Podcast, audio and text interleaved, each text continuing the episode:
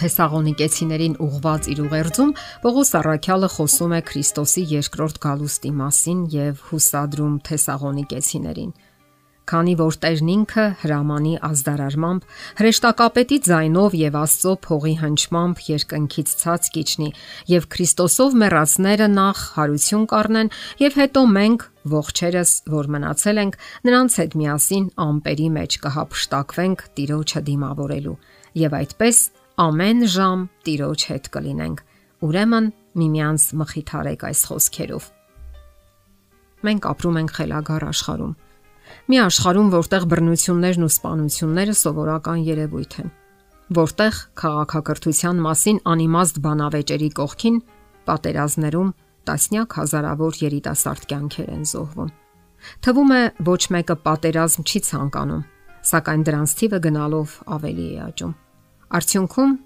այրիանում են կանայք, որ փանում են երեխաները։ Մայրերն ահաբոր վիշտ ու ցավ են ապրում։ Մահերն ու սպանությունները մեր մոլորակի ճարիքն են եղել եւ շարունակում են տարապանք պատճառել բոլորին։ Վիշտ ապրող մարդկանց մի հարց է տանջում. որտեղ են հիմա մեր հարազատները եւ ինչ է տեղի ունենալու նրանց հետ մահից հետո։ Այս հարցը աշխարհի չափին է։ Չեն դադարում բանավեճերն ու քննարկումները։ Ուր է գնում մարդը մահից հետո Իսկ գուցե նա ոչ մի տեղ էլ չի գնում։ Աստվածաշունչն ասում է, որ Հիսուս Քրիստոսն անձամբ դիմավորեց մահվանը եւ հաղթանակ տարավ նրա հանդեպ։ Հետևյալ պատմությունը շատ ուսանելի է։ Այն տեղի է ունեցել 2000 տարի առաջ։ Քարե Փոշոտ քաղաքի փողոցներով քայլում է Հիսուսը։ Հանկարծ քաղաքի դարպասների մոտ երևում է թաղման թափորը։ Պատգարակի վրա մահացած երիտասարդ են տանում։ Նրա կողքին անմխիթար հեկեկում է մայրը։ Տղան նրա միակույսն էր։ Ծեր օրերի մխիթարությունը եւ կերակրողը։ Հիսուսը հասկացավ վշտահար մոր սիրտը եւ մտեցավ նրան։ Նա սկսեց մխիթարել, թե քաջալերական խոսքեր ասաց։ Ոչ։ Նա հարություն տվեց երիտասարդին եւ նրան վերադարձրեց մորը։ Նրա սերը զորավոր էր մահից։ Նրա ներկայությամբ ոչ մեկը չէր մահանում, Ղազարոսը երբեք չէր մահանա, եթե Հիսուսը նրա կողքին լիներ։ Նրա քույրերը վստահ էին դրանում։ Ահա թե ինչու անընդհատ կշկնում էին. Տեր, եթե դու այստեղ լինեիր, մեր եղբայրը չէր մահանա։ Ղազարոսի մահից 4 օր էր անցել, երբ Հիսուսը հանդիպեց նրա հարազատներին, նորից հասկացավ, թե որքան մեծ է մարդկային վիշտը։ Ինչ կարող էր ասել նա մեղմելու այդ մարդկանց վիշտը։ Հիսուսը պարզապես ասաց. Ձեր եղբայրը հարություն կառնի։ Քույրերը գիտեին, որ իրենց եղբայրը պետք է հարություն առնի, բայց ոչ այդ պահին, այլ հետո դրա համար էլ պատասխանեցին. Գիտենք, որ հարություն կառնի վերջին օրը։ Հարություն վերջին օրը։ Ահա թե որտեղ է մարդկության առաջին ու վերջին հույսն ու մխիթարությունը։ Դա Աստվածաշնչի ամենաբարի եւ ամենահրաշալի լուրն է։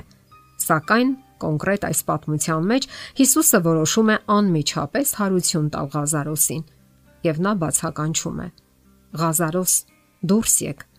Եվ Ղազարոսը կենթանի դուրս է գալիս գերեզմանից։ Հարկավոր է ուշադրություն դարձնել, որ պատահական չէ, որ Հիսուսը տալիս է Ղազարոսի անունը։ Հակառակ դեպքում կբացվեին երկրի բոլոր գերեզմանները։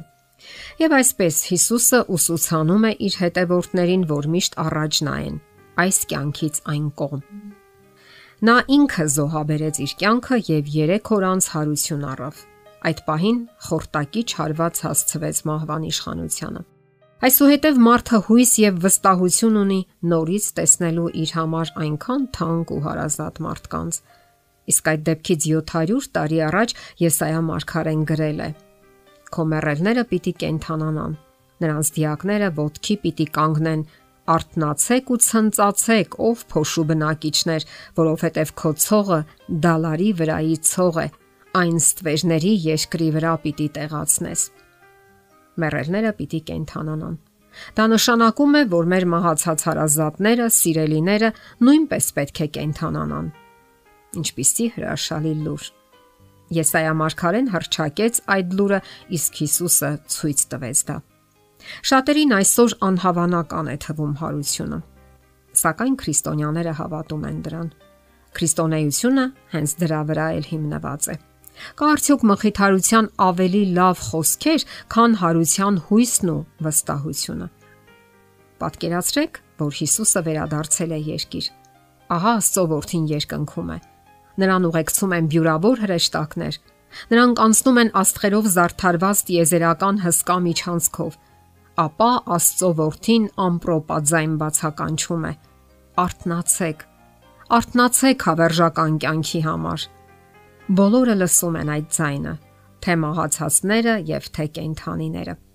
Այդ ձայնը վերստին կյանքի է կոչում արթարներին, միավորում է ընտանիքները, վերականգնում է կորուստները։ Մայրերը կարողանում են հավերժորեն գրկել իրենց զավակներին։ Հարության հրաշալի օր։ Ինչ կարող է սա նշանակել մեզ համար։ Արթարների համար սա հավերժական կյանքի հույս է։ Մենք ապագա կյանքի հույս ունենք Սա նշանակում է, որ մահը պարտված է։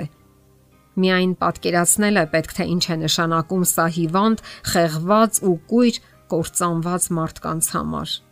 Երկար մտածելու կարիք չկա։ Դարձյալ օգնության է հասնում Աստծո խոսքը։ Այն ժամանակ կբացվեն կույրերի աչքերը, կբացվեն խուլերի ականջները,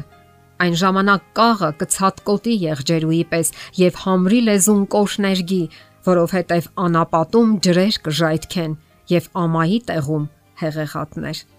Հրաշալի է, այնպես չէ։ Փրկվողների համար անկասկած հրաշալի է։